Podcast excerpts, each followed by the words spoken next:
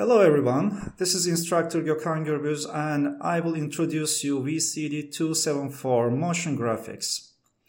Within this course, students learn how to create motion graphics by using their typography skills and combining them with the graphical elements in order to create motion pictures. This course also contains basics of visual effects that can be applied for various requirements.